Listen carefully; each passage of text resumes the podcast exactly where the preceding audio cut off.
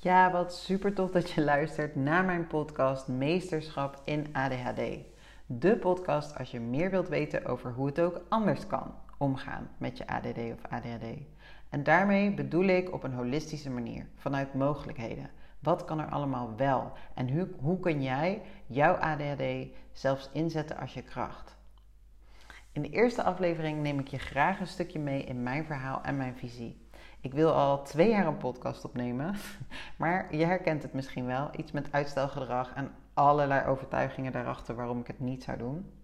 Ik vind het dus ergens wel een beetje spannend, maar ik ben ook super excited en heel blij dat de eerste aflevering er nu staat. Ik heb mega veel inspiratie voor heel veel andere afleveringen, dus het gaat gewoon helemaal tof worden. Ik ben super benieuwd wat jij ervan vindt.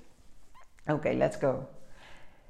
Ik was 32 toen ik de diagnose ADHD gecombineerd type ernstig kreeg. Mijn hele leven had ik mezelf al afgevraagd wat er mis was met mij. En na jaren zoeken door voornamelijk verschillende therapieën en veel mensen hebben gesproken, was daar eindelijk het antwoord: ADHD. Dat is wat er mis is met jou. En ik weet nog dat het wel een beetje dubbel was. Aan de ene kant was er meteen zoveel herkenning. Ik voelde me eindelijk gezien. Alles wat de psycholoog toen tegen me zei resoneerde zo erg en het voelde echt als thuiskomen. Het was ook heel erg een bevestiging van wat ik altijd al had gevoeld. Zo van, ik ben niet gek. Mooie woordkeuze, als we het hebben over psychische diagnose. Maar de bevestiging van, zie je nou wel, er was inderdaad iets. Ik had al zo lang het gevoel dat er iets was wat mij in de weg stond en wat mij tegenhield om mijn volledige potentieel, in mijn volledige potentieel te staan. En om echt helemaal mezelf te kunnen zijn. En nu kreeg ik gewoon heel helder van wat dat was. Wat er nog meer heel fijn was, is dat ik toen langzaam uit ben gaan spreken tegen mensen dat ik ADHD heb. En dat er best wel veel mensen op mijn pad kwamen, of die er al waren, die het ook hadden. En dat daar hele mooie gesprekken uit voortkwamen. En dat ik daar echt een, op een ander niveau een verbinding mee voelde. Ik kwam zelfs in contact met een vriendin van vroeger, een vakantievriendinnetje, wat heel lang mijn penvriendin is geweest. En zij had het al, zij wist het in ieder geval een stuk langer dan ik. En het was zo fijn om met haar daarover te kunnen praten. Dus het is super bijzonder hoe het dus heel erg ook kan verbinden. En daar ben ik heel erg dankbaar voor. Er zijn nog vriendschappen ontstaan die nog steeds nu op dit moment um, nou, heel waardevol zijn voor mij. Maar waar ik me vaak dus niet begrepen heb gevoeld in relaties, zowel in vriendschappen als familie, eigenlijk mensen die heel erg dicht bij me stonden, veranderde dat niet per se. Ik kon het dan zelf ineens wel heel goed begrijpen, want ik las er natuurlijk heel veel over en ik kon het dan wel vertellen dat ik de diagnose ADHD had. Maar daarmee begrepen de mensen om me heen me eigenlijk ja, alsnog niet echt. Want ja, enerzijds wisten ze er gewoon niet zoveel van, wat niet zo gek is, want er is nou eenmaal algemeen niet zo heel veel bekend over ADHD bij volwassenen. En anderzijds omdat er nog steeds een ontzettend stigma op ADHD zit.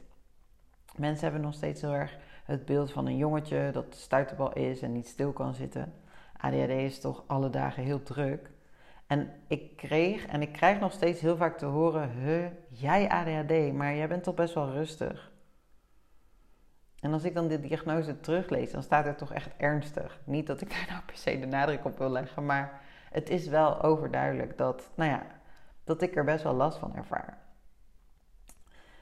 En ik merkte dat de mensen om me heen er wel meer over wilden weten.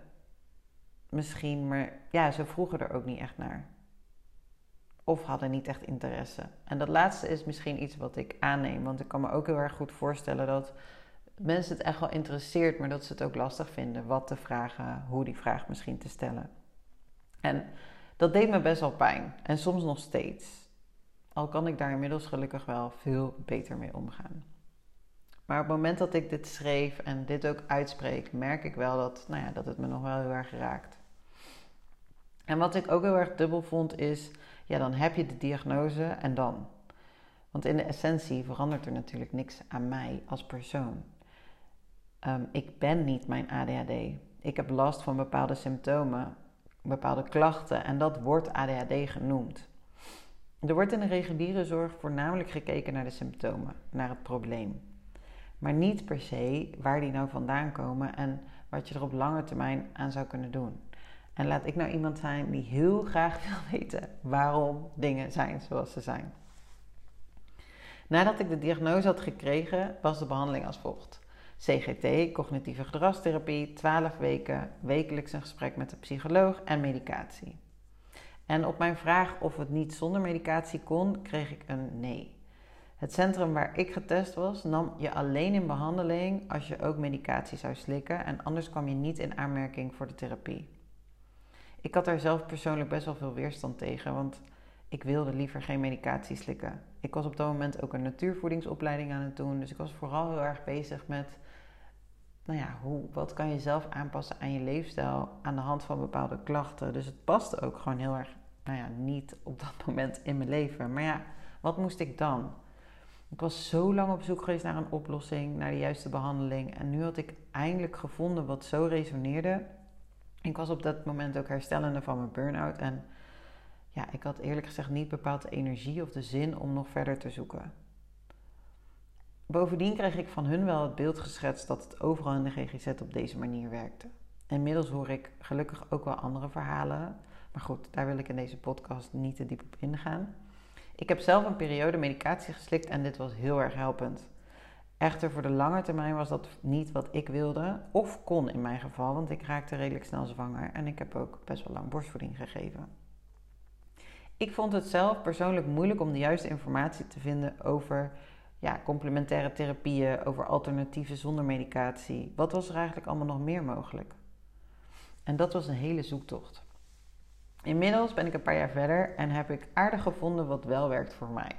Ik heb mijn leefstijl compleet aangepast door middel van voeding, yoga, mediteren en een heel andere mindset sta, mindset sta ik nu heel anders in het leven dan inmiddels vier jaar geleden toen ik de diagnose kreeg.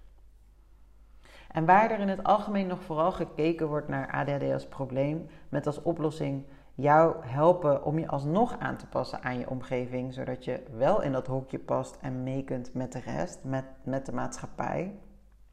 Ja, oftewel symptoombestrijding, kijk ik gewoon veel liever naar het grotere plaatje, naar jou als persoon en jou als uitgangspunt, maar ook naar wat werkt voor jou. En hoe kan jij jouw leven zo inrichten zodat het past bij jou in plaats van andersom? Niet in dat hokje. Ja, wees gewoon lekker dat rondje uh, in plaats van dat vierkantje wat van je verwacht wordt. Want alsnog kost het heel erg veel energie als je je vooral focust op het probleem en dat wat je kunt doen om je aan te passen. En dat is dan ook wat ik heel graag wil delen in deze podcast. Ik wil mensen helpen in hun zoektocht hoe om te gaan met ADHD en dan voornamelijk kijken naar duurzame verandering. En natuurlijk is vaak het uitgangspunt ook een probleem. Je hebt ergens last van, anders was je nooit op het punt gekomen om überhaupt zoekende te zijn naar een oplossing. Misschien zou je anders deze podcast ook niet luisteren. Ik denk alleen dat ADHD alleen een probleem hoeft te zijn. Er zijn ook echt heel veel mooie kanten aan ADHD. Door middel van deze podcast hoop ik jou te helpen in je zoektocht naar antwoorden. Ik hoop dat je herkenning zult vinden en begrip. En ik hoop je te inspireren om ook de mooie kanten van jou te ontdekken als persoon.